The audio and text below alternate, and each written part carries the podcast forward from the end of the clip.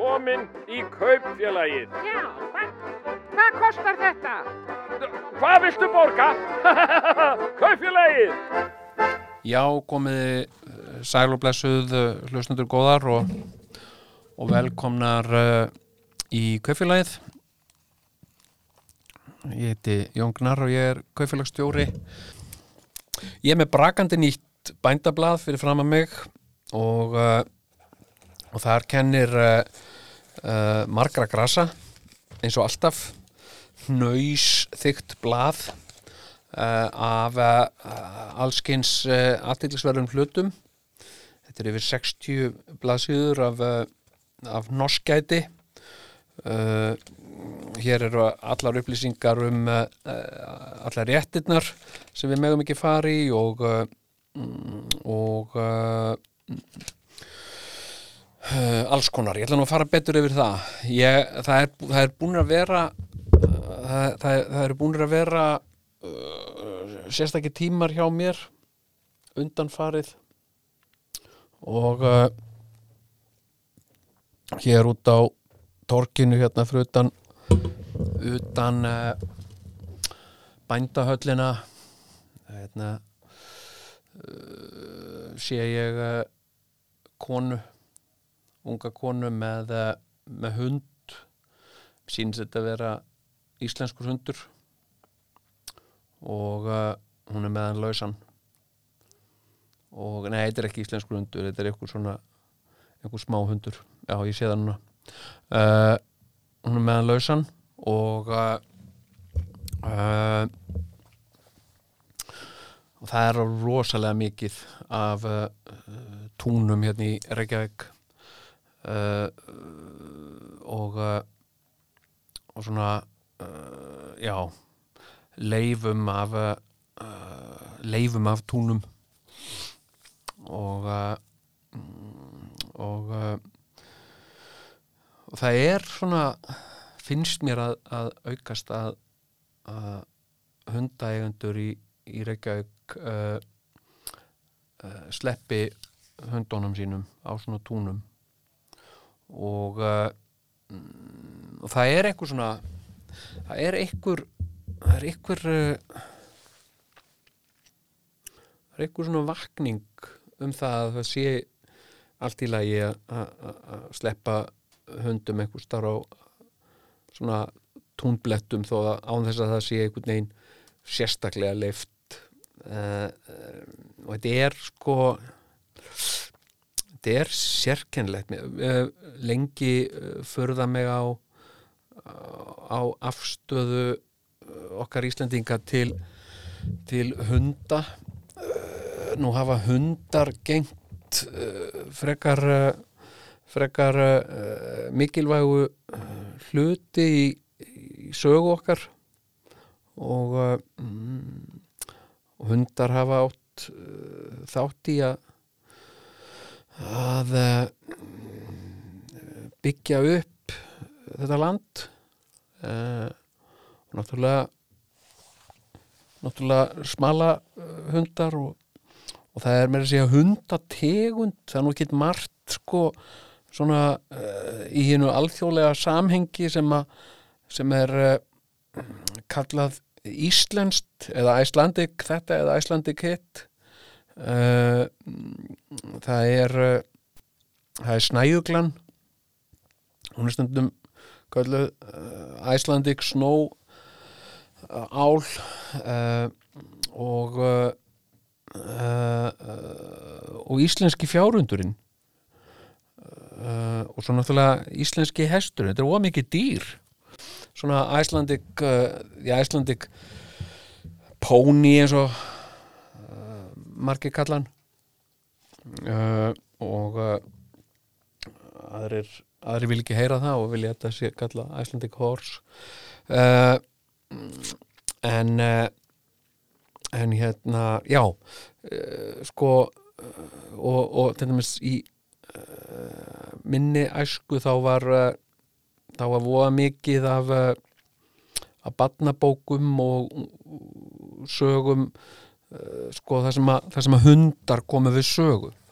Uh, og uh, og gengdu jafnvel hérna mikilvægu hlutverki í sögunum. Og í mörgum sögum íslenskum koma koma hundar við sögu. Og, og mér sérstaklega minnistæð uh, uh, sagan þetta sé svona novella uh, eftir Haldur Lagsnes sem heitir Nýja Ísland þar sem uh, hundur uh, gegnir mjög mik vega miklu hlutverki sem persóna í sögunni og verður persónu gerfingur uh, hérna, og örlög hans svona persónu gerast í, í hundinum.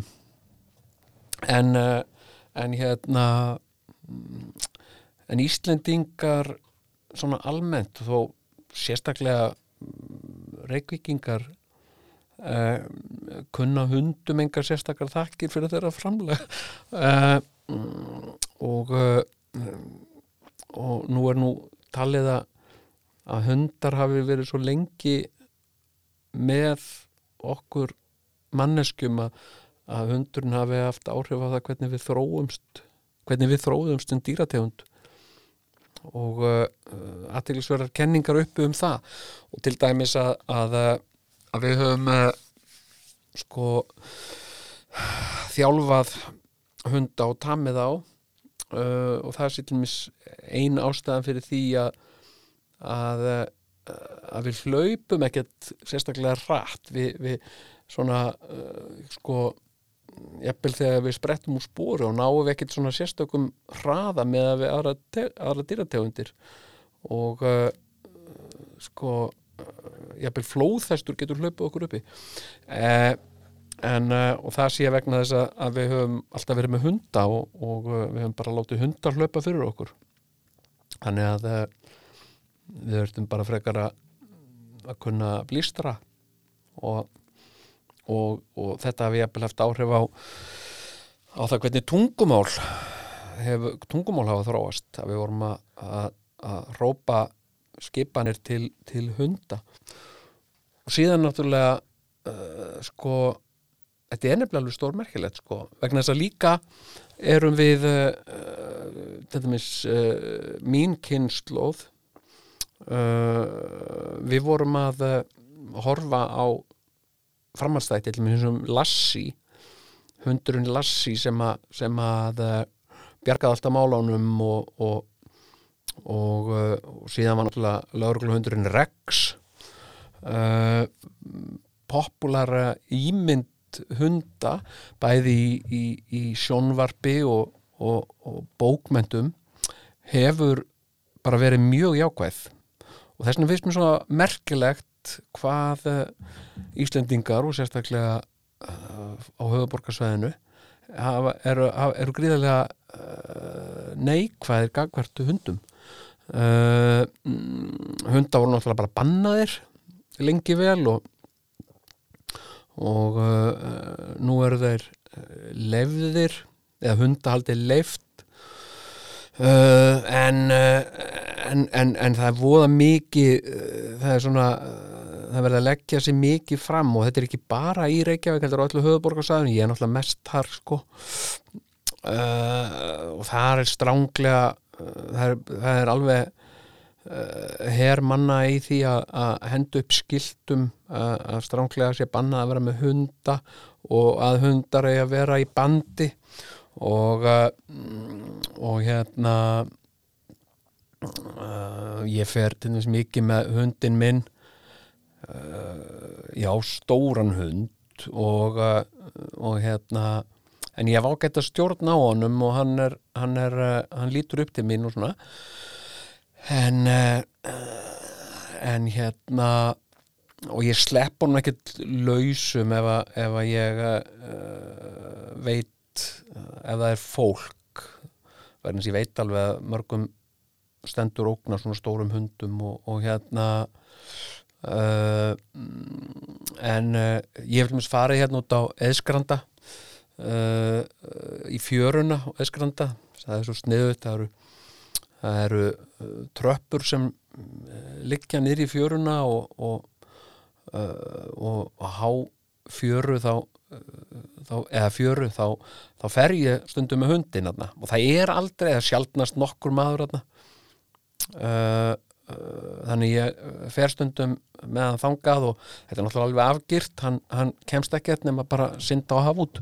Uh, og uh, og þar hef ég hef ég uh, sleppt honum og, og kasta bolta. Og hann finnst það alveg rosalega gaman og líka hlaup út í sjó og rekka burtu fuglana og svona. Bara eitthvað sem þarf að gera.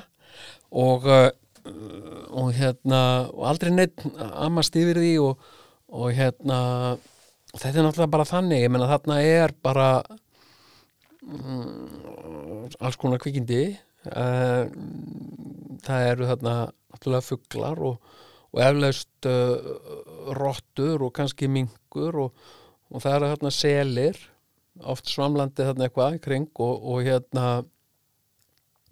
það er svona þessi sko það er þessi mm, sko hvenar þrýfur maður upp hundaskít og hvenar ger maður það ekki? Uh, á maður allstaðar að þrýfa upp hundaskít? Og ég hef ekki, ég verði að viðkynna það sko, ef að, uh, hundurum minn hefur haft uh, hægðir þarna í fjörunni þá hef ég ekkert verið að, að þrýfa það upp vegna þess að það, það flæðir að og þetta skólast í burtu og hérna uh, og ég menna ekki ekki neitt sem þrýfur þarna upp eftir selina uh, eða, eða máfana eða rafnin eða Þannig að, þannig að sko ég, ég hef ekkert séð henni ástæðu til þess. Er líka, þú veist, kettir þarna, maður sér þá stundum uh, og það er enginn sem að þrýfur upp eftir þá og uh, en nú, nú tók ég eftir í nýlega þegar ég fór þarna síðast að, að það komið þarna heljarinn að búa,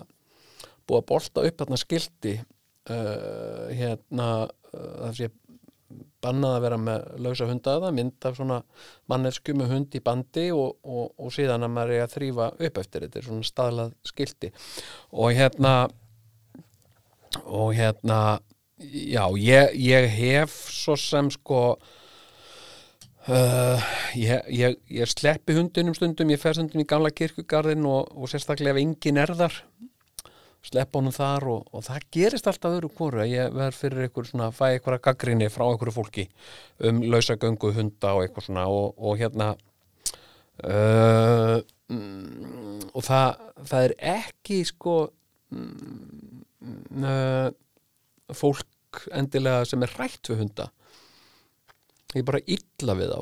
Ég, ég, og ég bara skil það ekki. Ég skil, get alveg skil að fólk sé rætt við hunda.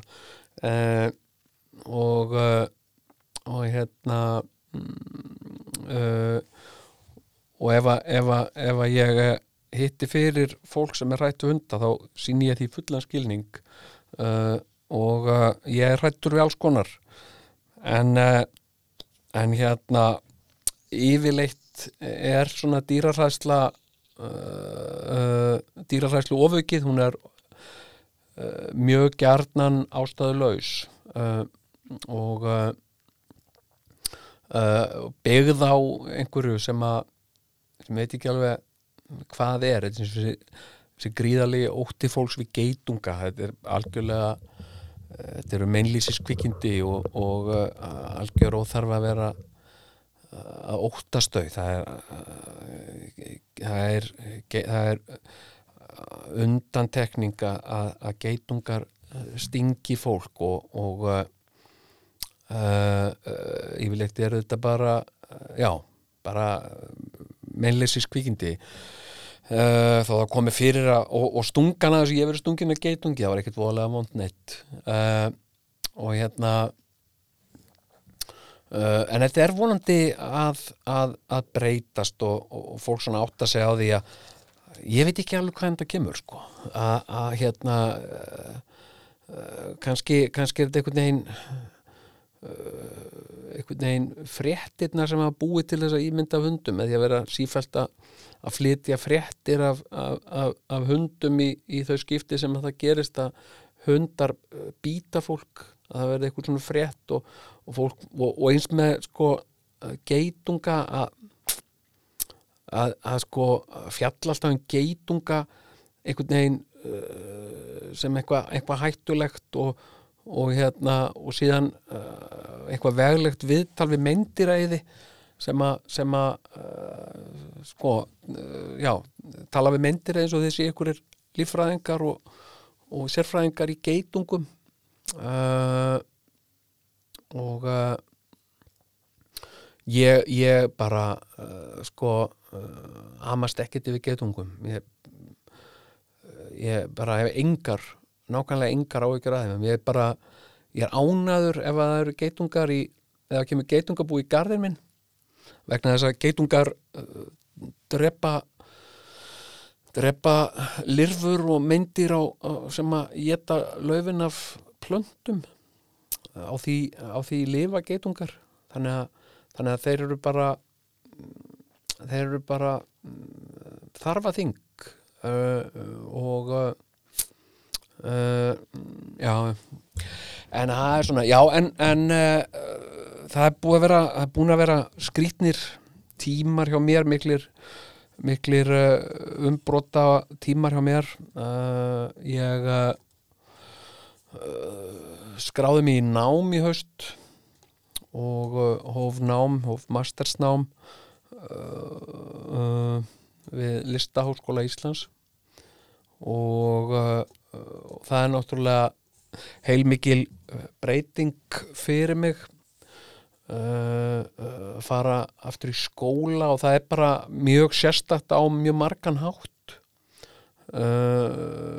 Til dæmis þetta að að uh, vera allt í einu í því hlutverki að vera að spurja um alla mögulega hluti og, uh, og hérna viðurkenna að ég veit ekki hitt og þetta og svona.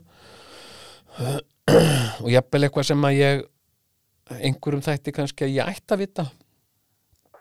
Og, uh, og það er bara það er bara mjög gott. Og síðan að gera sko skólaverkefni og uh, og bara án, án þess að uh, taka afstöðu til þeirra eða, eða, eða dæma þau eða neitt svoleiðis, bara gera þau. Og mér finnst það til dæmis mjög þetta eru svona verkefni sem að ég uh, sko, mér hefði ekki dottið í hug og mér hefði aldrei aldrei fundið til einhvern veginn fundið upp að hjá sjálfum mér að gera þetta. En uh, ég er búin að búin að vera að gera svona verkefni og, og ég er bara búin að læra fullt sko, sem að ég vissi ekki dáður og hefur komið mér á óvart. Uh, og uh, og hérna mm, og eins og uh, eins og margir íslenskir uh, artistar og kunstnerar mm, þá þá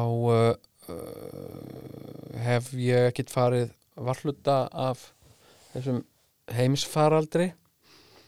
Það eru mörg uh, verkefni sem að ég er með á fjölunum í leikhúsunum sem að sem að hafa uh, verið sett á byð út af þessu ástandi vegna þess að- að leikhúsin hafa bara starfsemi leikhúsina við leiði niðri. Uh, uh, og mm, og hérna þegar ég uh, sótti um í þetta nám þá, þá var uh, COVID heimsfaraldurinn ekki byrjaður. Þannig að uh, þannig að ég er svolítið svona á mm, réttum stað á réttum tíma finnst mér.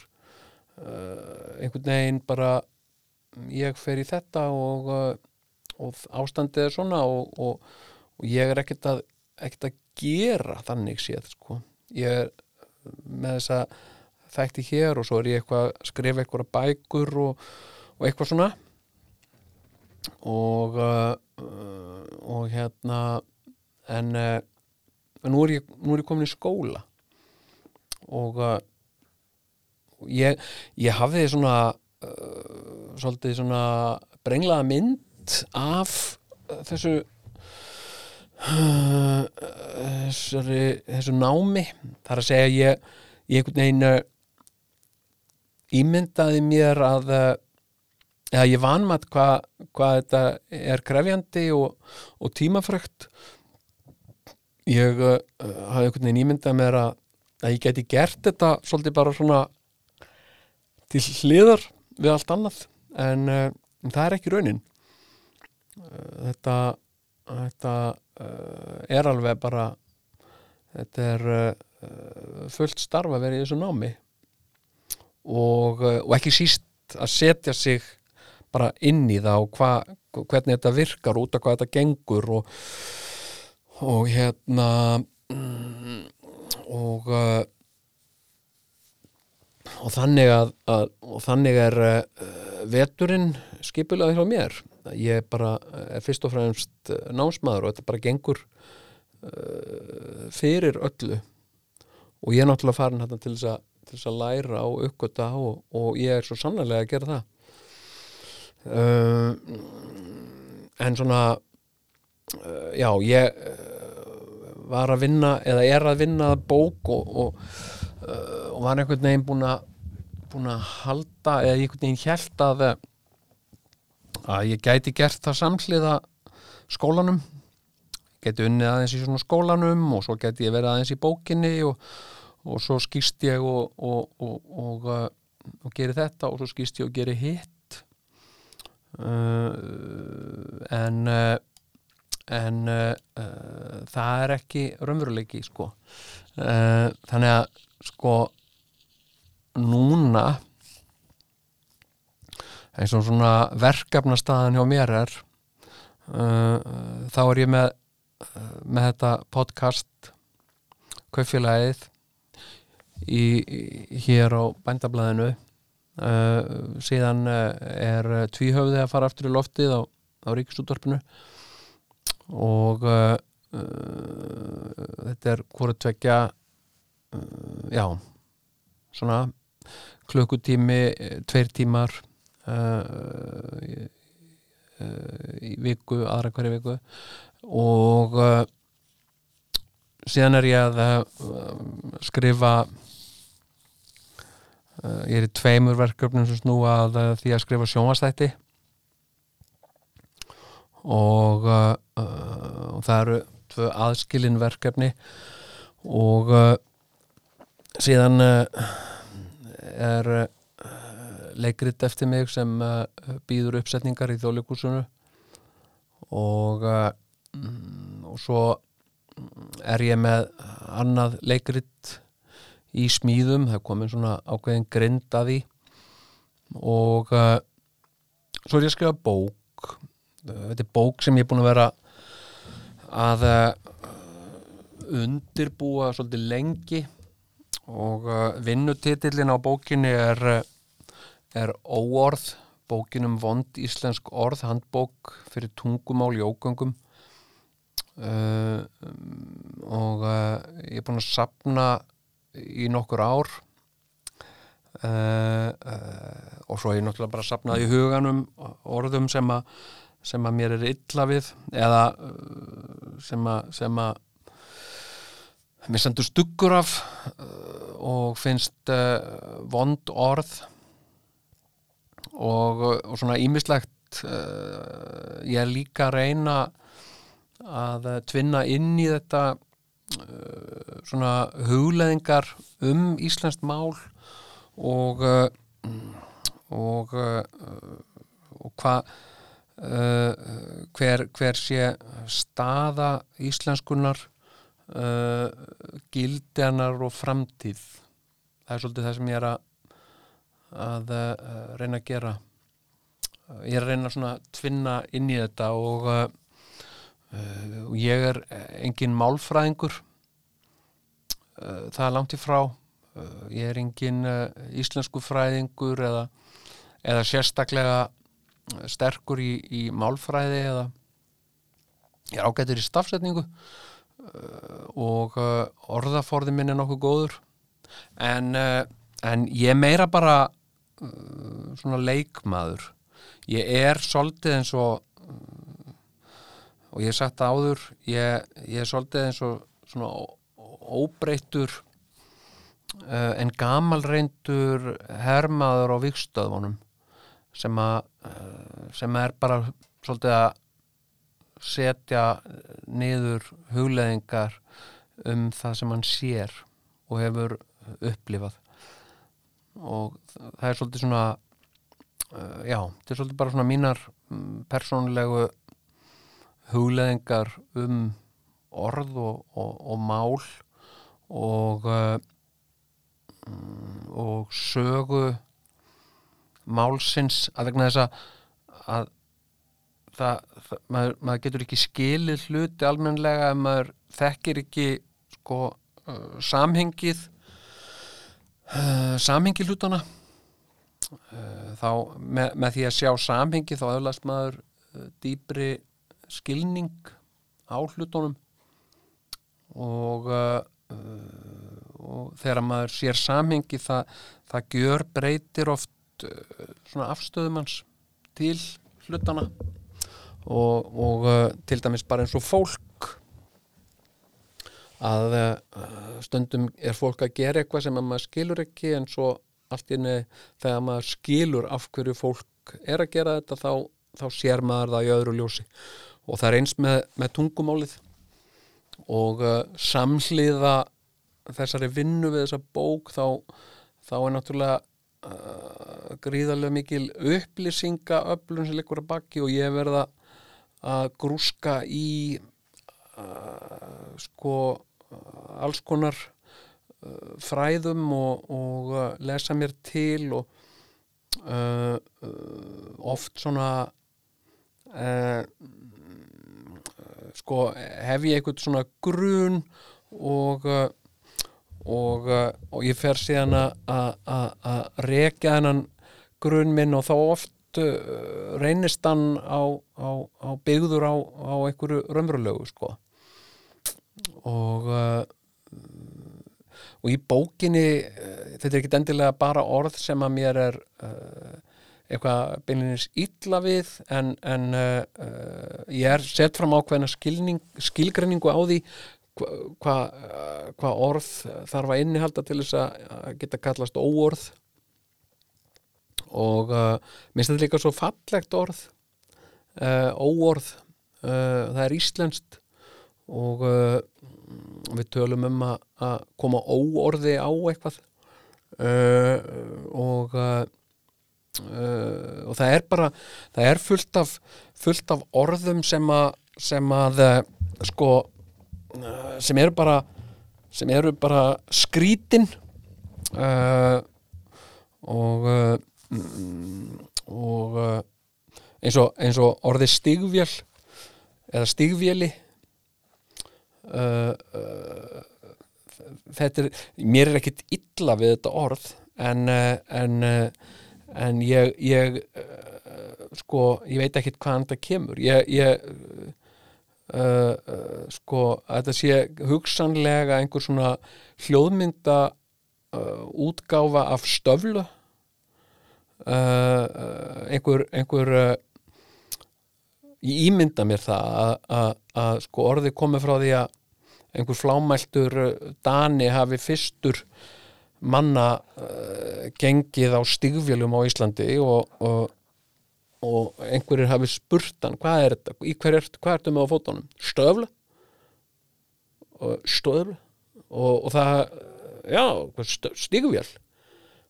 Og þannig, þannig hafi þetta orð komið inn og ég, ég veit svo sem ekkert uh, um eitthvað betra orð en stigvél ég er alls ekki að það er alls ekkit endilega mm, endilega sko markmið mitt að, að uh, endilega koma með einhverja einhverja lausn á öllum orðum. En ég reyni það samt sko eftir svona uh, já, ég, ég bara set fram ákveðna tillögur og, og ákveðnar kenningar um málið og uh, mm, og uh, en síðan er svo margt sko svona í víðara samhengi sambandi við uh, tungumálið okkar sem að uh, sem að svona er alveg uh, sko aðtiklinar verðt mér finnst uh, bara uh, gaman að hugsa um það sko.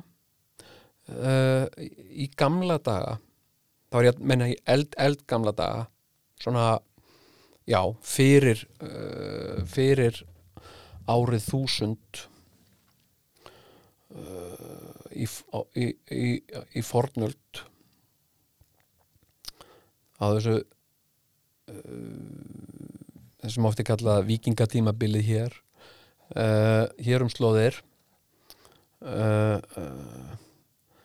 þá þá var sko þá var náttúrulega samfélagið töluvert einfaldar að það er núna en samt uh, það var samt svolítið flókið.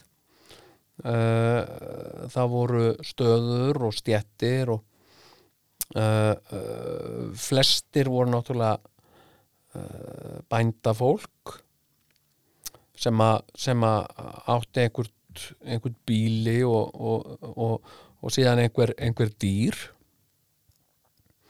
uh, uh, yfirleitt eitthvað svona rollur og geitur og, uh, og ær og kýr kannski einhverjar, einhverjar kýr. Uh, og uh, uh, og síðan voru svona höfðingjar sem að þurft ekki að, að eiga rollur heldur áttu kannski fólk sem átti rollur eða, eða sagt fengu, fengu einhverjar tekjur af jörðum og svona frá þá með einhverja svona leiguliða sem að uh, leigðu af þeim jarðir og komust kannski til einhverja efna og metorða jafnvel. Og, og, og síðan var náttúrulega uh, sko svona uh, möguleikin að að að geta fengið sér sverð eða eitthvað svo leiðis og, og, og farið og barist við eitthvað fólk um eitthvað. Uh, og, og, og vikingatímabilið var svolítið svona einkennandi fyrir þetta að, menn, aðalega menn þá uh, held ég að konur hafi verið miklu minnur hluta uh, uh, menn fóru svona tóku eitthvað, uh, eitthvað skip, eitthvað bát og sildi eitthvað og reðust á eitthvað og, og, og, og, og drápa eitthvað fólk og, hérna eða, eða sagt uh, hnefti í þrældóm og, hérna og fóru síðan á þrælamarka og seldu fólkið og fengu smá pening fyrir. Uh, mm, uh, já og uh, á þessum tíma var til stjætt fólks. Uh, það eru tvær stjættir sem að fólk sem að mér finnst sérstaklega aðdeglisverðar uh, og það er annars vegar uh, völfur uh, uh, völfur voru, voru menn og konur sem að sem töldust hafa einhvers konar spádomsgáfu og gáttu sagt fyrir um, um örlög fólks. Og, og það var ekkit óvenjulegt að fara og hitta völvu áður en maður uh, tók einhverjar stórar ákvarðanir með lífsitt uh, og, uh, og völvan spáði spáði fyrir og oft var þetta tengt sko ásatrúni það var völvan kallað til einhverja guði eins og uh, Frey og Freyju eða, eða jafnvel Óðinn sjálfan. Uh, og, og beðið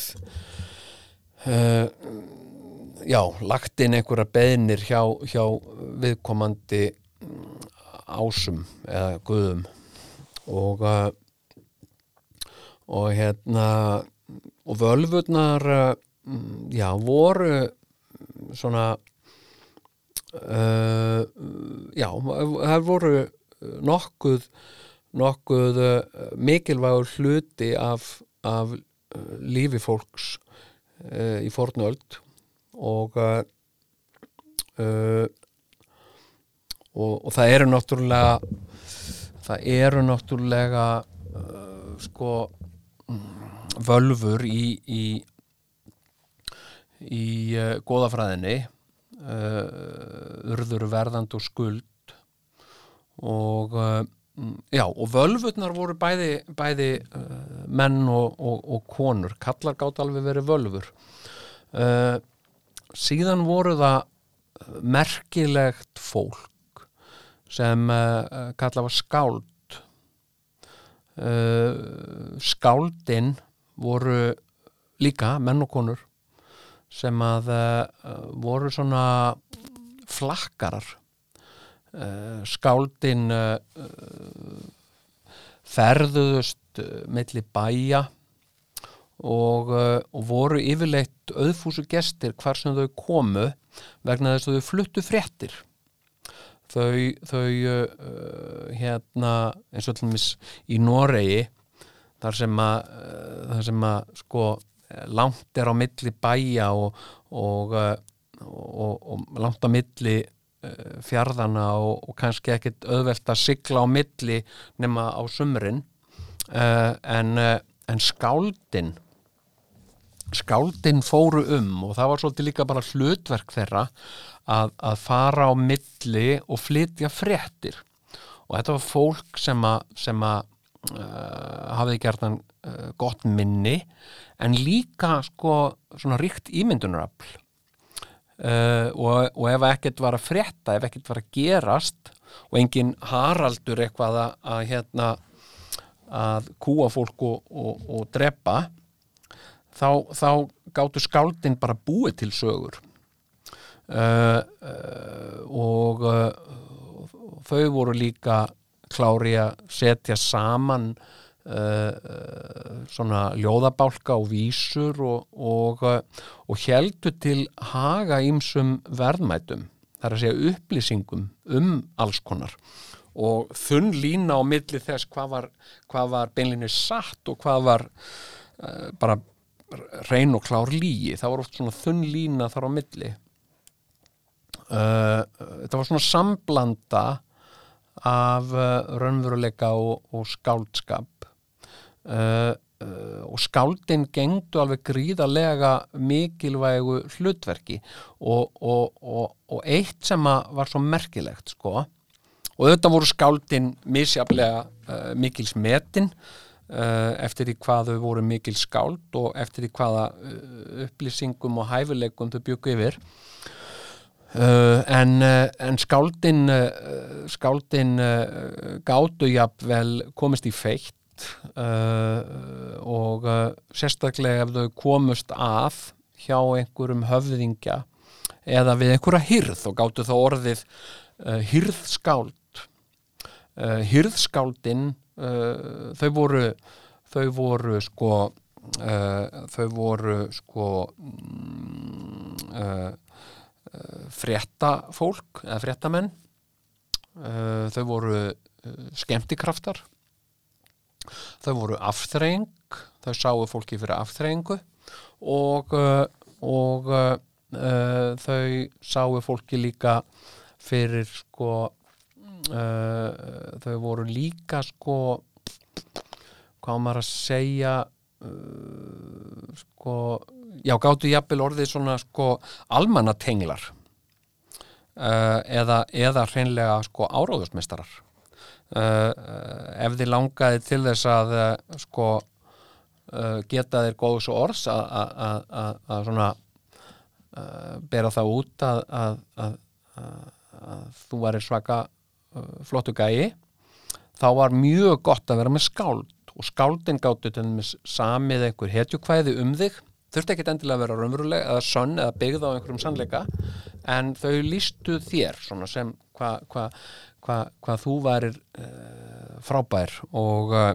og hérna og uh, og svona og þetta var náttúrulega bara sko skáldin náttúrulega gerðu þetta fyrir sko geggreðslu og greiðslan gatt jafnvel verið bara uh, uppihald og húsaskjól sko, að fá að geta og, og henda fram einhverjum vísum og, og, og fá uh, mjúkt rúm til að sofi uh, og þarna, þarna gáttu skáldin ílengst og já, annað sko sem að svo merkilegt með skáldin sko að skáldin sko þó, þó ríkti vargöld og það væri styrjöld í landinu þá voru skáldin okkur örug sko vegna þess að að uh, það voru bara fábjánar og vitferingar sem drápu skáld. Uh, að, drepa skáld var bara eins og kveiki bókasafni. Ma, maður gerir það ekki, maður reynir frekar að eiga bækurnar og, og, og það, þau verðmætu upplýsingar sem í þeim, í þeim búa. Uh, og, og skáldin sko, já, þau gáttu sko kjaftas út úr eiginlega hverju sem er og, það var ekkit það var ekkit sko það var ekkit rítmál á þessum tíma. Uh, uh, bókstafinir uh, voru ekkit komnir og eða mjög lítið. Fólk sko notaði rúnir en, en, en það var ekkit mikið skrifað með rúnum. Það var bæði seinlegt og, og hérna en sko það var talað um að rista rúnir. Uh, og það var gerðan gert þá í, í, í tre að rista einhverjar rúnir og, og eða stein og þetta hefur náttúrulega verið gríðarlega seinlegt uh, að rista rúnir. Og uh, og já og hérna en, en já og skáldin sko uh, þau skrifuðu ekkert, þetta var allt sko, þetta var allt bara í kollinum á þeim, þau gengu ekkert um með, með einhverjar bókrollur undir hendinni, þau, þau voru bara með með uh, sögurnar sínar í kollinum og uh, og höfðu hæfileikan til þess að, að sækja þær þar og, og, og segja þær. Og þetta var allt sko talað mál, skáldin skáldin töluðu og eins og völvurnar að þá sko eh, er saga uh, skáldana uh, löng og, og, og á sér sko fordæmi í, í ásatrúni og og nefni nægi til að, nefna hrafna Óðins Óðinn sem var uh, og er, eða hvað maður að segja var eða er, uh, yfir Guðinn og uh, uh, mm, og uh, hann var með tvo hrafna. Og, og hrafnarnir þeir hétu hugin og, eða heita hugin og munin. Og, uh, og þeir flugu um og uh, svona höfðu yfir sín yfir hvað var að gerast og fóru svo til Óðins og fluttunum fréttirnar.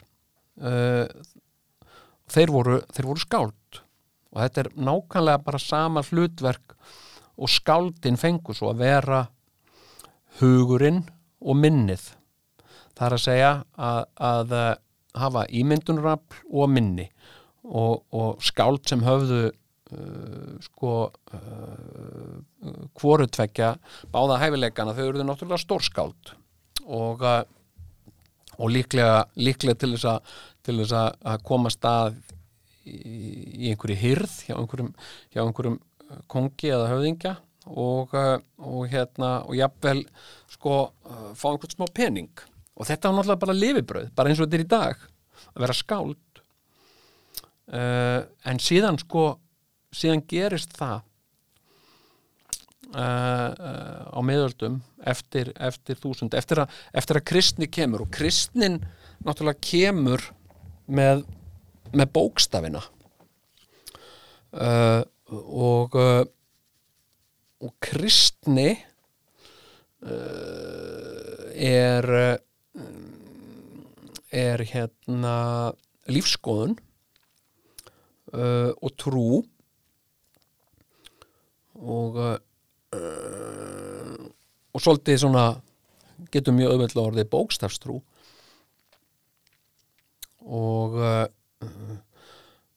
og svo gerist það einhverja furðulegra hluta vegna þá gerist það hér upp á Íslandi uh, að uh, að mönnum dettur í hug að uh, tappa þessum sögum af skáldunum eða frá skáldunum og setja þær á bók. Það er að segja að byrja að uh, skrifa það sem við í dag þekkjum sem fortsögur uh, uh, og uh, og þetta var áður í einhverju svona munnlegri geimt það er að segja, þetta var hverki skrifa þetta var bara fólk sem myndi þetta. og, uh, og svoleiðis það mann fram af manni. Uh, uh, amma einhvers var skáld og, og hún það var síðan hennar að fiska út þann af afkomendum sínum sem henni þótti hafa mesta skáldagáfu til að bera og gott minni. Og, og síðan uh, sagði amma viðkomandi allar sínar sögur og upplýsingar og viðkomandi lagði þar á minnið og var þar með skáld. Þann, þannig urðu skáldin til uh, og, uh, og hérna síðan, síðan er þetta uh, sett niður í, niður í bók og og soldið sko með því þegar það er búið að tappa af skáldunum, sögunum þá verða þau ekkert eh, verðmætt lengur. Og, uh, og orðspor þeirra fer síðan hratt uh, rakandi og, og þanga til að sko að, að það að, að kunna frá mörgu að segja og vera málglaður og, og svona uh, svoleiðis manneskja var ekki, var ekki lengur skáld heldur blaðurskjóða. Uh, og, uh, eða, og, og kjaftakelling og, og þetta fór sko fólk fór að segja fór að segja sko nota orðið kjaftur í staðin fyrir orðið munnur. Uh, sögur sem ganga af munni fram þær var urðu ekki, sko, urðu bara kjaftasögur og, uh, og svona þetta afstæðan til þess að breytist og, og einhvern veginn svona svo afstæða við, við Íslendingar urðum uh, smám saman bókstafstrúar þjóð og við erum það í dag, við erum bókstafstrúar þjóð uh, uh, hérna mm, við uh, trúum að uh, trúum því að, að allt sé merkilegra og betra ef það, ef það standi í bók heldur en ef það, ef það er sagt berum orðum. Sem er uh, já, það er uh, bara uh, það er ekkit réttið að rámt við það, það er bara aðtilsvert finnst mér. Og og við erum við erum við erum bókmentafjóð það er að segja sko literatur sem að sem að sko svona alþjóðlega orð literatur uh, uh, sko inni heldur skrifað skrifað orð og munlega geimt en uh, við höfum tekið þó að við byggjum allt okkar á þessari munlegu geimt og, og, og, og kjaftagangi þá höfum við tekið það út úr málin okkar. Uh, við notum ekki orðið litteratúr eins og allar þjóðir heldur notum við bókmentir. Uh, og orðið bókmentir kemur sko úr þessu. Það, þetta kemur frá með kristninni. Með kristninni koma bækurnar og líka mentasettur það er að segja að, að, að kirkjan og það er það, það þetta kathólska kirkjan er fyrst til að setja upp eitthvað sem hægt er að kalla menta uh, uh, hér á Íslandi. Og uh, sem kalla var skólar og, og, uh, og þar var náttúrulega náttúrulega fólki uh, eins og enn í dag fyrst kent að þekkja bókstafina.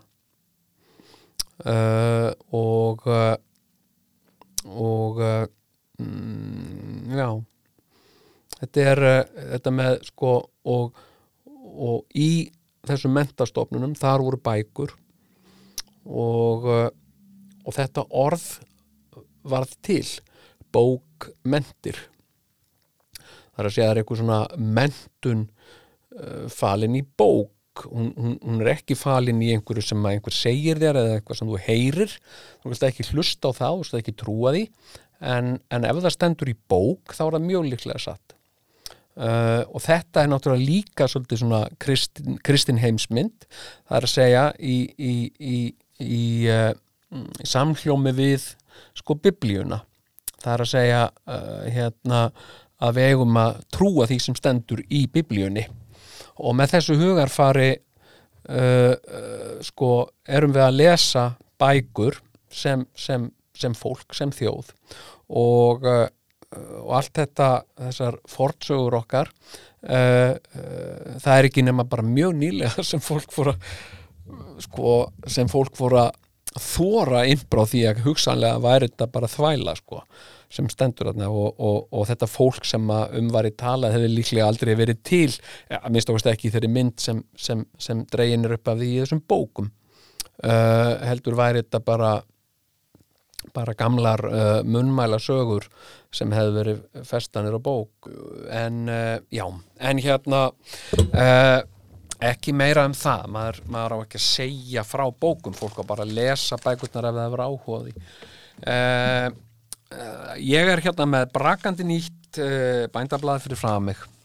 Og, og það er náttúrulega allt um réttirnar sem engin maður má fara í og allt undir ströngu eftirliti og, og, og það verða, verða hlið og, og, lágreglan uh, hérna mun passa upp á að uh, engir óviðkomandi uh, komi og uh, uh, það er, það er uh, sko, það er vaksandi meðvitund um mikilvægi skórektar á Íslandi og uh, uh, og hérna uh, og maður sér þess merki í bændablaðinu. Það er meira og meira skrifað um uh, vægi og gildi uh, skórektar og og, uh, og hérna og ég er náttúrulega mikill skóræktamæður uh, mjög áhugasamur um skórækt uh, og uh, uh, skórækt er náttúrulega bara tré er verðmæti og og og við, við sagt með, með auknum skógi hérna þá, þá erum við í rauninni að búa til öðlind, við erum að skapa náttúruöðlind með skóum uh, og síðan uh, hafa skóarnir svo margt uh, svona jákvætt í för með sér þeir hafa áhrif á veðrið. Uh, það er ekki eins mikið rók þar sem er skóur uh, og það finnur fólk. Fólk getur gert bara einfalda tilraun á því farið í, í, í róki einhver staðar þar sem er skóur og staðið í skóar í aðrinum og leift rókinu að blása um sig og lappa síðan inn í skógin það er bara allt annað. Þetta, þetta þarf ekki að, útskýra eða sanna fyrir fólki, þetta er bara svona. Og, mm, og ég kynnti þessu mjög vel þegar ég bjóði Svíþjóð að þegar ég var að lappa sko það sem ég tók strætó uh, hérna sem að var svona uh, 20 minna hálftíma ganga, ég bjóð upp í sveit bara í, í lengst norður í, í, í, í norður Svíþjóð. Og hérna uh, og veturnar það var alveg rosalega kalt þarna. Og uh, og uh, ég þurfti að lappa í gegnum mm, svona skóarjóður fyrst og síðan yfir engi. Uh, uh, yfir svona akur.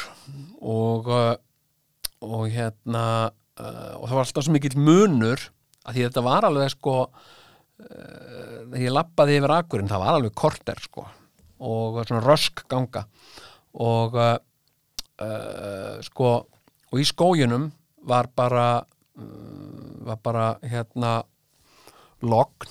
En leiðu ég kem stundum þegar það var rokk, þegar ég kem út úr skójunum þá tók bara á móti með svona kaldur vindur og frostið gatt farið alveg upp í, upp í 20 gráður, það var ekkert óvennulegt að vera 20 gráður frost dag eftir dag. Og, uh, og í vindi þá var náttúrulega vindkælingin ofan á það þannig að það var gatt orðið alveg óbóðslega kalt sko. Og, uh, og stundum sko var ég næstuði frossin í hel þarna á enginu.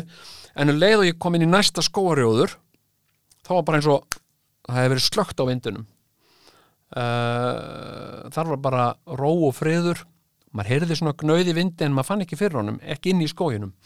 Uh, þannig að, þannig að uh, sko við erum aldilist með, með nóg af, af og mér er að segja rigning.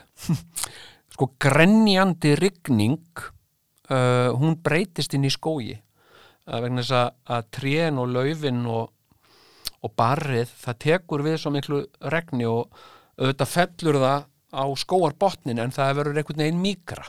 Það verður ekki eins svona veist, það er ekki, það er ekki drifið áfram af rokinu og, og, og slettist ekki svona ámann eins og það gerir á berangri.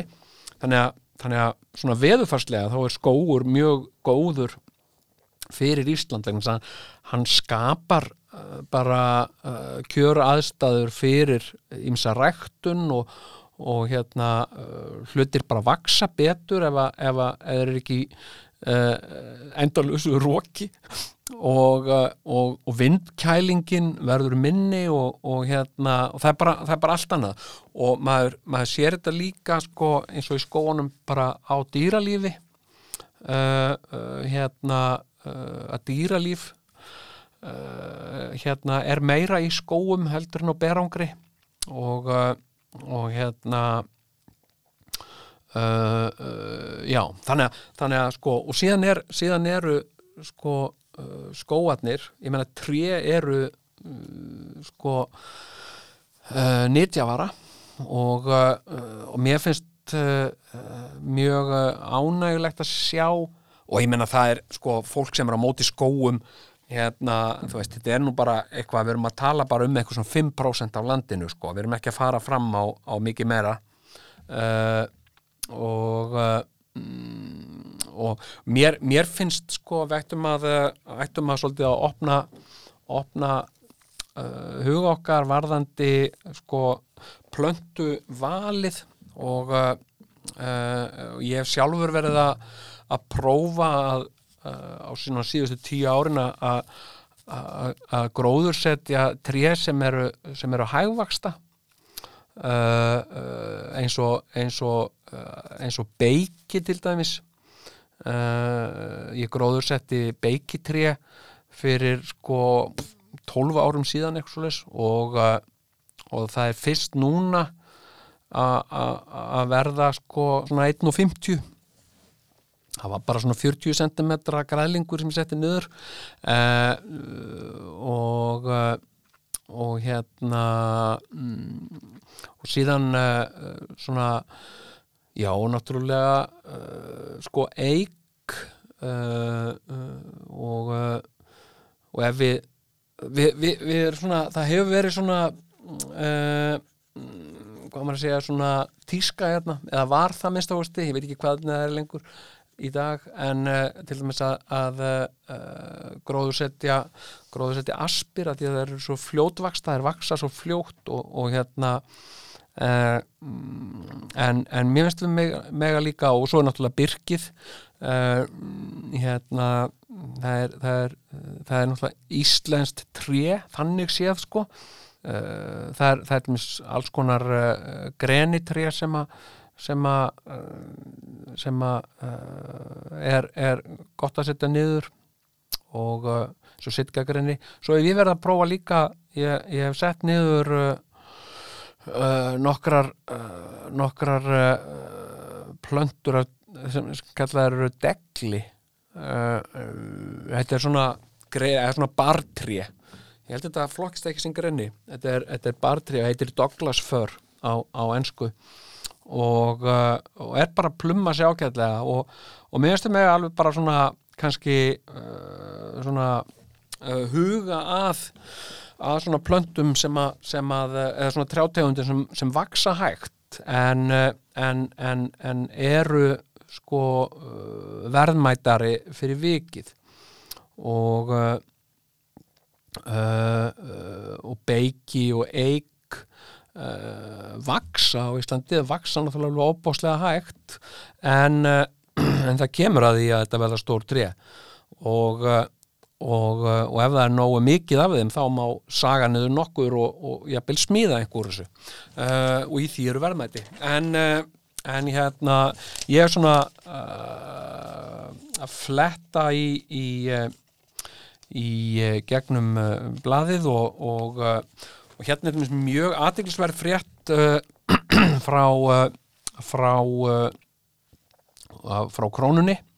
Uh, krónan á Granda er búin að setja upp uh, uh, svona rekka eða svona svæði sem er sérstaklega tilengað íslenskum smáframleðendum og, mm, og það er nokkuð sem að ég hef uh, reynd að leggja mitt að mörgum við að styrkja. Það er uh, svona íslenskir uh, uh, svona smáframleðendur sem er að, sem er að framleiða einhverjar íslenskar svona sérvörur. Og, og ég hef lagt mig fram um að, að sko þegar ég er að kaupa í matina að uh, ef ég sé, ef ég rek augun í eitthvað svona þá reyni ég að kaupa það bæði vegna þess að ég hef áhuga á því, yfirleitt áhuga á því að smakka það og, uh, uh, og, og um leið veit ég að, að ég er að, að uh, styðja og styrkja eitthvað eitthva skemmtilegt uh, og frumlegt íslenskt. Og mér finnst það bara gaman. Uh, og þetta er svona eh, já, ég, ég hvet fólk til þess að til þess að, að kaupa. Ef það sér eitthvað svona sniðugt uh, íslenskt og, uh, og hérna alveg eins og ég hvet fólk til þess að kaupa ljóðabækur. Uh, köftu ljóðabók og bara ef þú ferði í, í, í bókabúð uh, bara reynda að gera það vanaðinum að uh, kaupa ljóðabók. Uh, og uh, þú, þú þart ekki einu sinni að, að, að hafa áhuga á henni eða að þurfa að lesa hana.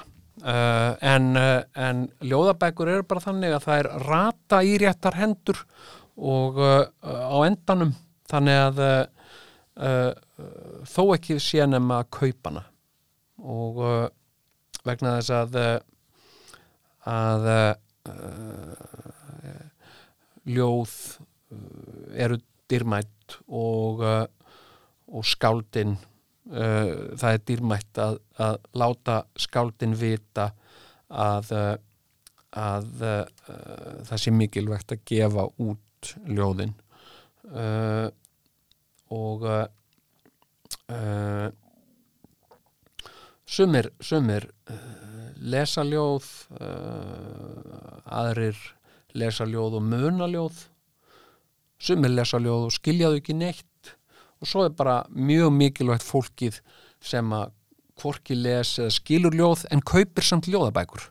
Mér finnst það alltaf bara kauftu ljóðabók og uh, mm, gefð hana eða, eða uh, farði eitthvað með hana og, og skildan eitthvað starf eftir.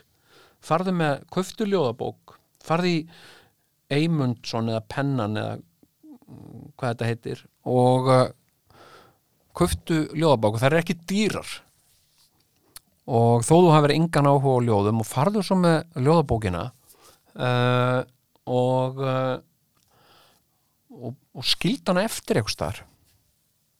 Bara farðu, farðu í, í, í uh, smáframleðenda rekkan í krónunni á Granda og sett hana þar.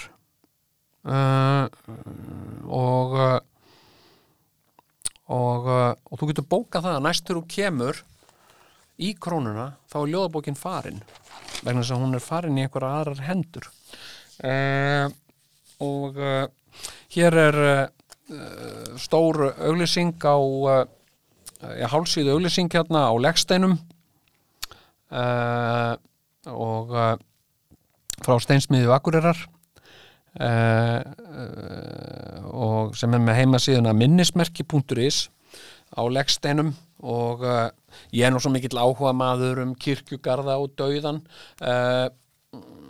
og yfirleitt ef ég er einhver staðar ef ég er einhver staðar bæði hérna á Íslandi í Reykjavík ef ég er, er í útlöndum að, þá, þá reyn ég að ef ég er einn til dæmis uh, ég fer stundum einn í svona okkur upplestrarferðir það er að segja að mér er bóðið eitthvað ráðstöfnir í útlöndum uh, og, uh, og ég hef verið einn að þvælast í, í stórborgum Evrópu. Uh, Berlín, Prag uh, Budapest uh, Varsjá. Einhverjum svona borgum og uh, ekkit endilega um sumar.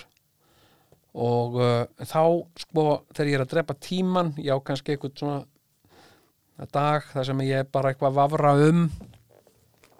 Og, uh, og þá sko á vafrinu mínu vafra ég mjög gjarnan í kirkjugarða. Ef ég sé kirkjugarð þá vafra ég gjarnan þangað inn. Og uh, uh, og ég veit svo sem ekkert alveg hvað það er sko.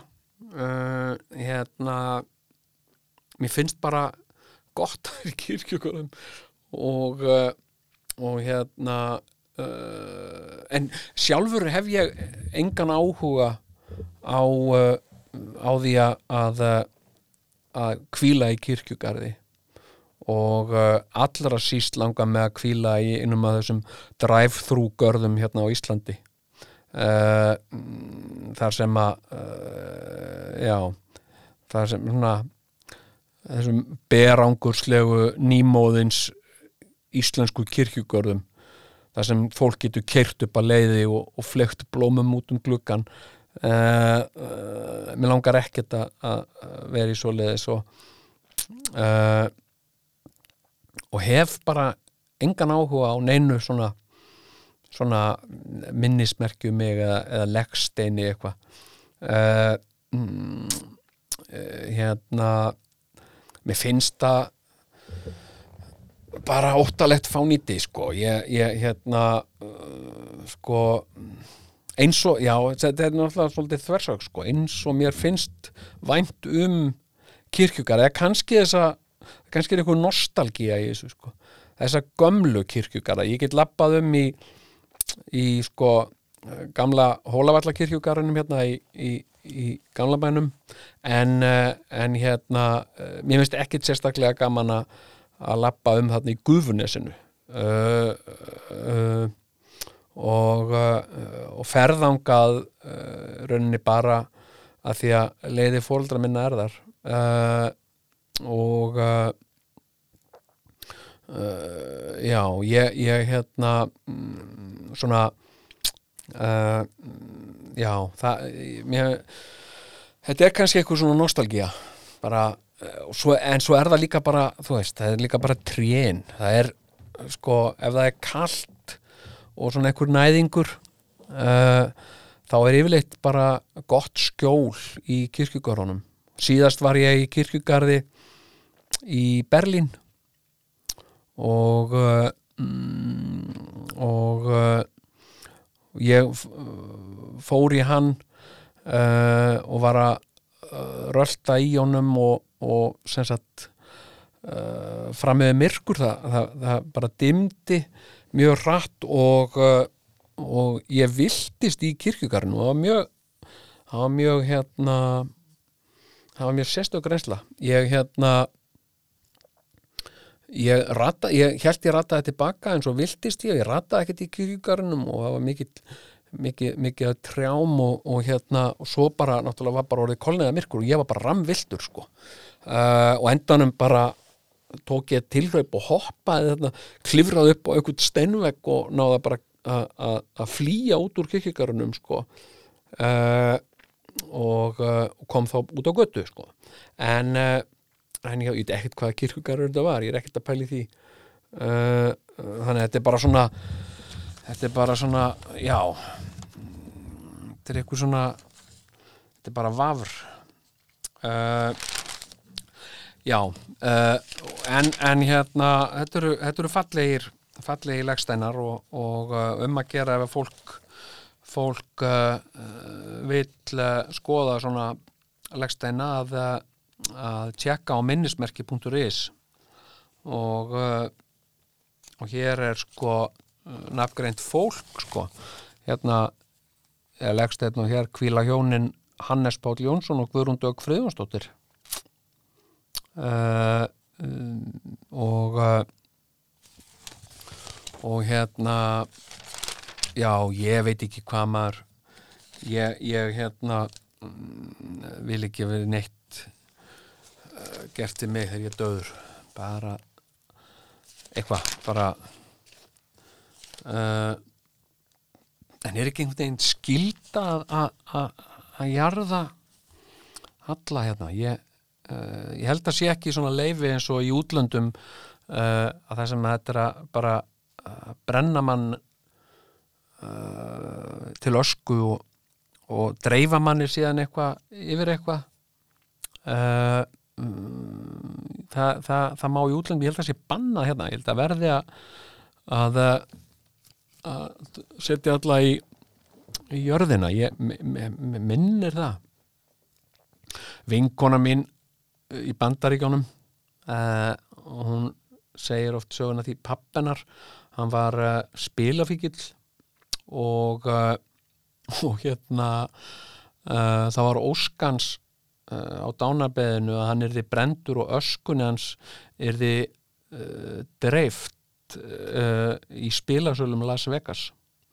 Og hún og systrinnar fóru til Las Vegas með öskuna og uh, voru sagt báðar náttúrulega brendar af því að, að, vera uppkomin börn fíkils þannig að þetta voru svona blendnar tilfinningar uh, uh, þær, þær löppuð þann inn í í spilasalan með blendnar tilfinningar. En þær dreifðu pappa sínum samviskusamlega á milli spilasala. Uh, uh, þær uh, reyndu eins og þær gáttu að tróða ösku inn í spilakassana þar sem að það var hægt og settu svona slettur í, í öskubakkana og og hérna og dreifðu þarna svona uh, yfir, yfir teppi og svona, og svona, svona drittuðu niður smá uh, hérna ösku hér og þar. Bara alveg heila helgi. Það sem að það er sýstur það er mjög mögnu saga. Og uh, þetta var ósk galamannsins en uh, ég held sér banna, ég held að þetta er aldrei, aldrei leift hérna sko. Uh, já og uh, já, já, já uh, já og það er, það er hérna, hérna mjög merkileg frétt frá Noregi. Það er nú allt að gerast í Noregi. Uh, sko mm, hérna alpaka dýr eru mm, dýr sem að við þekkjum oft sem lamadýr uh, hérna og uh, náttúrulega náttúrulega uh, heimkynni þeirra er í Suður-Ameríku uh, en, en hérna þau hafa verið uh, fluttin og ræktuð í Noregi og og hérna ég veit svo sem ekki hvað er verið að hvað er verið að er ekki bara hérna uh, já, einmitt ég veit ekki hvað er verið að gera með en hugmynd bændana í byrjun með að fá sér slík hústýr var að halda skógi í skefjum. Það er náttúrulega vandamál sem að sem að uh, norðmenn þurfa að takast uh, norðfólk þarf að takast á við. Hérna og loftslægið uh, já, ok loftslægið hentar en mél en uh, uh, nú, nú er þetta orðið svolítið svona ferðamennska og uh, og hérna uh, já, ég veit ekki hvað hvort, hvort er þessu þetta ég, ég veit það ekki, hvort það er ykkur ull að þessu eitthvað, ég veit það ekki. En þetta eru fyndin dýr og væri gaman að sjá einhver svona dýr hér. Ok, ég ætla að fletta hérna upp á sko bíla ah. Hérna er hann Hjörtur með eh, umfjöllun um bíl sem að ég er búin að vera einstaklega áhuga samur um. Uh, og það er þessi nýji Defender uh, Land Rover Defender. Uh, gamli Defenderin er, er mm, er hægt að framleiða hann og sko hann hefur nú uh, deilt þessum áhuga við hefum deilt þessum áhuga uh, og uh, Uh, og þetta er, þetta er uh, náttúrulega stór breyting á útlitinu. Hann, hann svona í fljótu bara svona fjarlægð á að líta og lítur hann svolítið út eins og Austin Mini uh, sem er sko svolítið fjarrri því hvernig hann leit út áður og hann er orðin svona modern og og hérna, en ég ekkert neginn sko var að býða eftir býða eftir svona ramagsdífender ég, ég hérna hafði eitthvað starf heyrt að þetta framlega hann. Þessi er bara þessi er bara svona díselbíl sko. Og uh, þetta er helviti flottur bíl sko. Ég, ég hérna ég, ég er alveg sko Uh, ég væri alveg seldur á svona bíl ef þetta væri ramaks sko.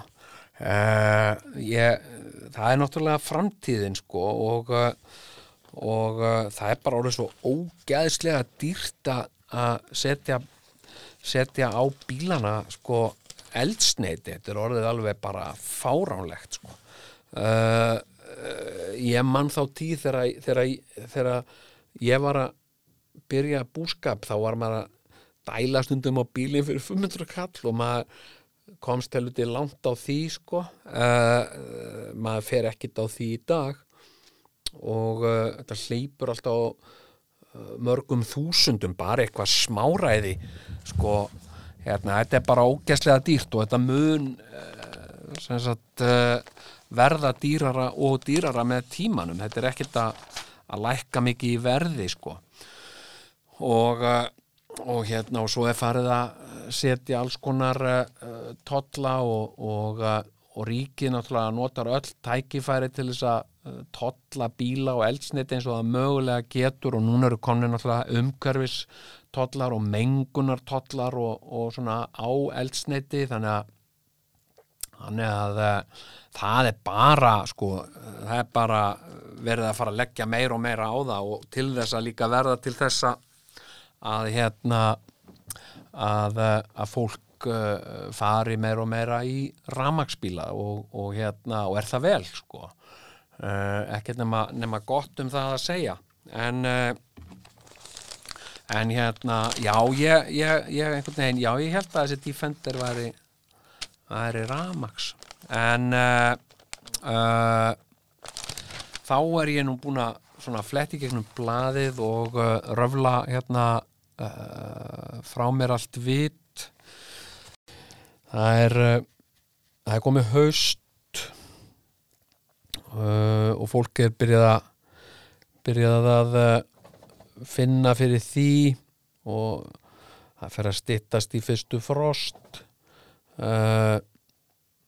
næturfrost og og hérna og haust fyririldin koma.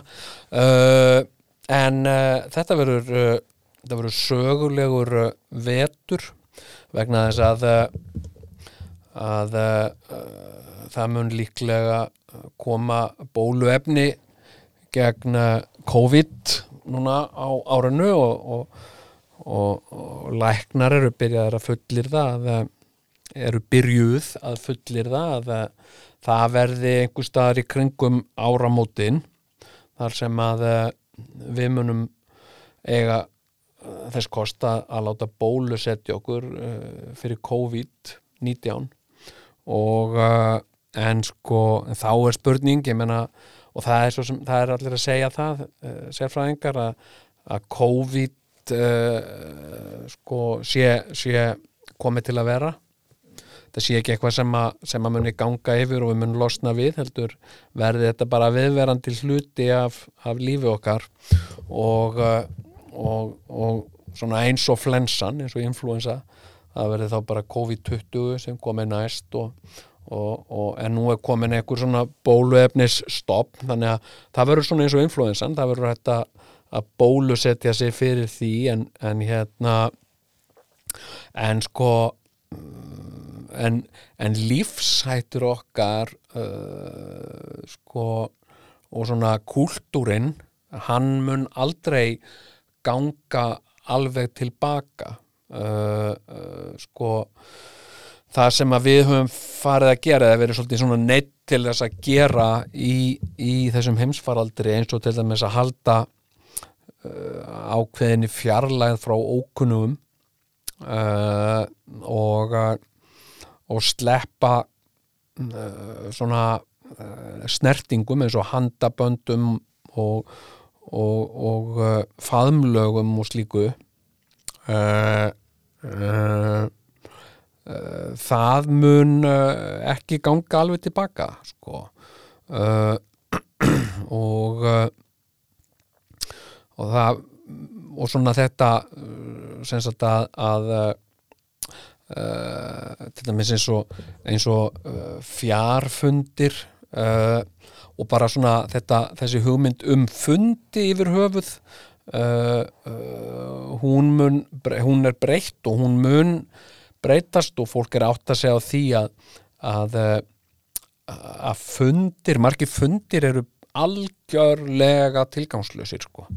það er bara til þess að hóa saman fólki til þess að ræða einhvað sem engin ástæða er til að ræða uh, og, uh, og hérna upplýsa fólk um einhvað sem það veit hvort sem er það er rosalega mikið af þannig fundum og uh, mjög marga fundi mætti mjög einfallega að leysa með, með tölvupósti og það er verið að gera það.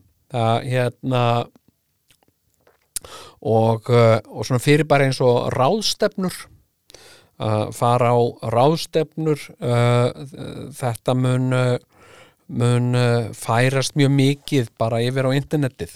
Uh, ráðstefnur verða uh, meira og meira bara á internetinu og, og, og þetta fara einhvert sko mm, til dæmis eins og að fara með flugvél einhvað út í heim til þess að fara á einhverja ráðstefnu og vappa þar um með eitthvað nafnspjald hengt framan á sér.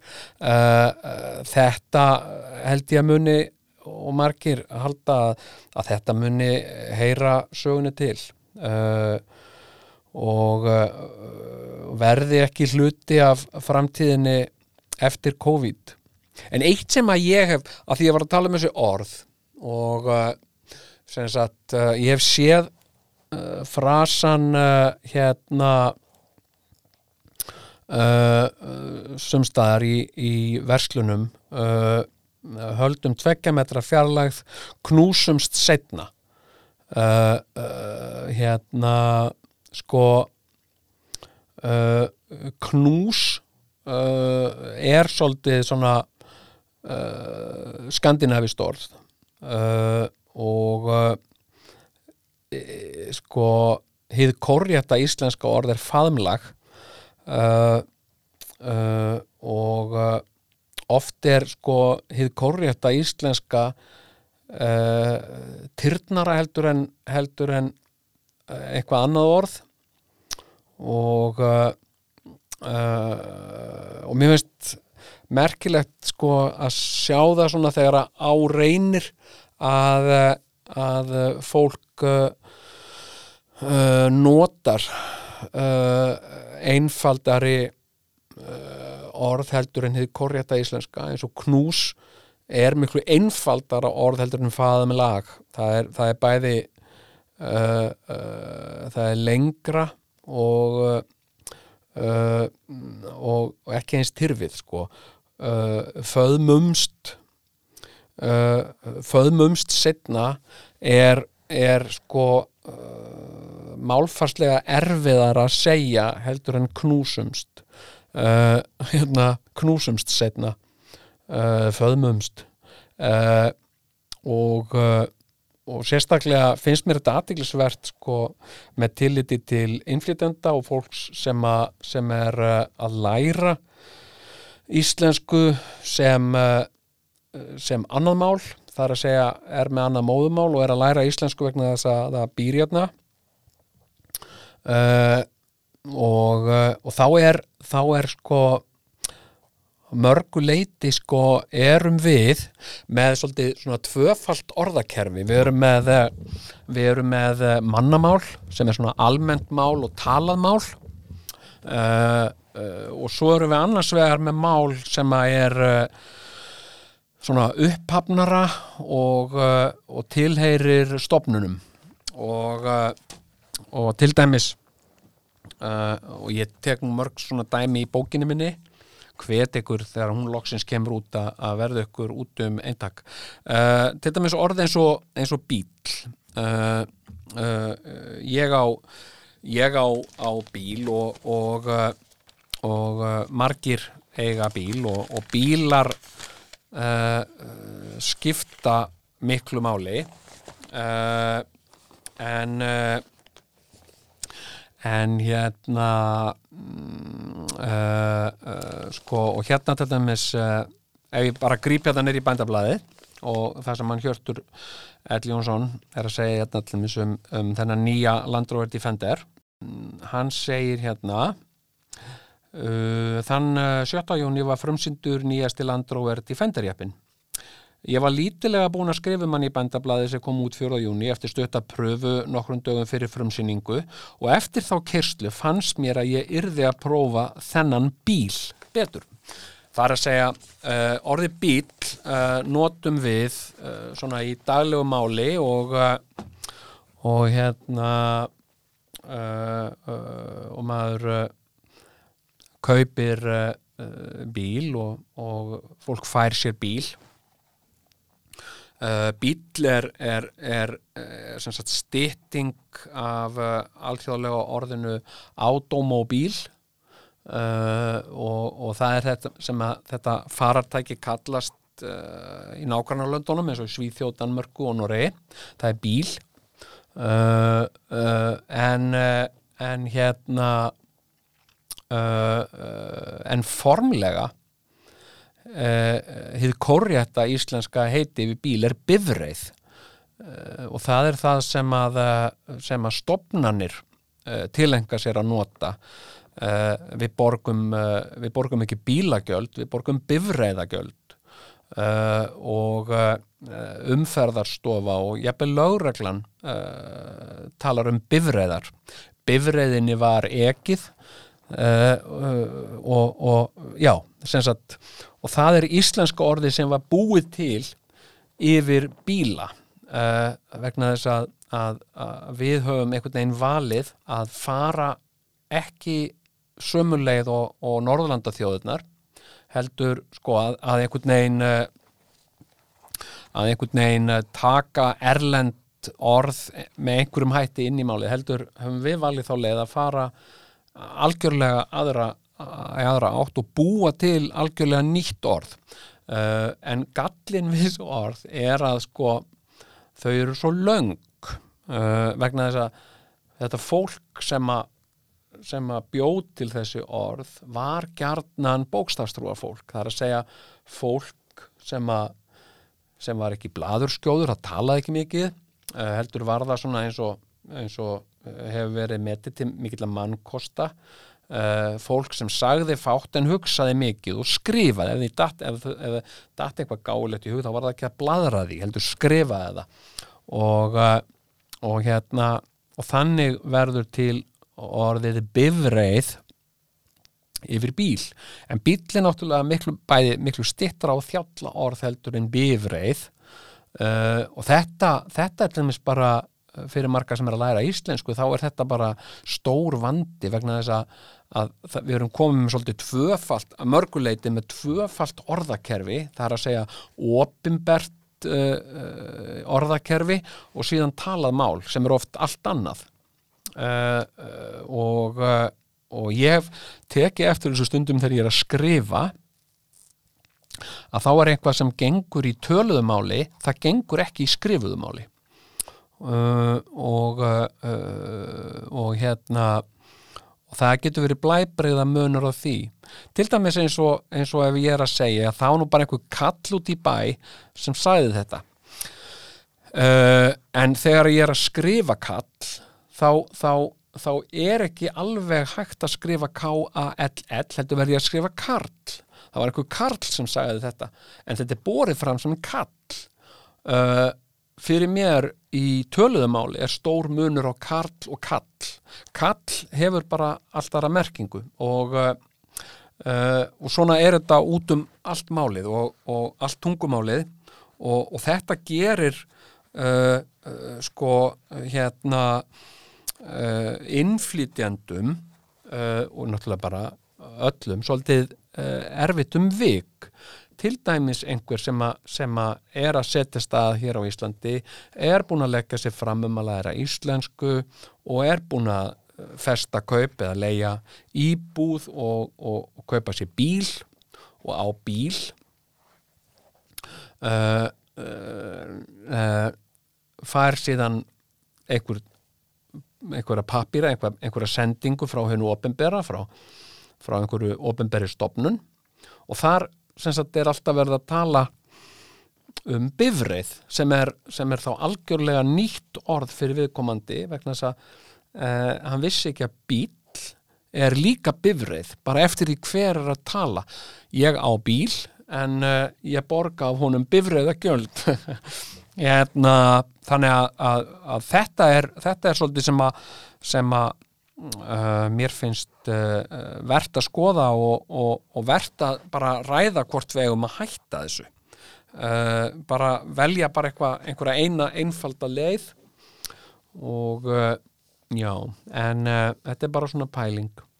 En já, þetta er orðið bara gott hjá mér í dag. Ég þakka öllum sem hlýttu og komu hingað í, í, í kaufélagið uh, klukkan er áinn 6 og uh, kaufélagið lokar uh, við bjóðum ykkur uh, velkomin aftur þegar opnar góðar stundir Velkomin í kaupfélagið. Já, hvað, hvað kostar þetta?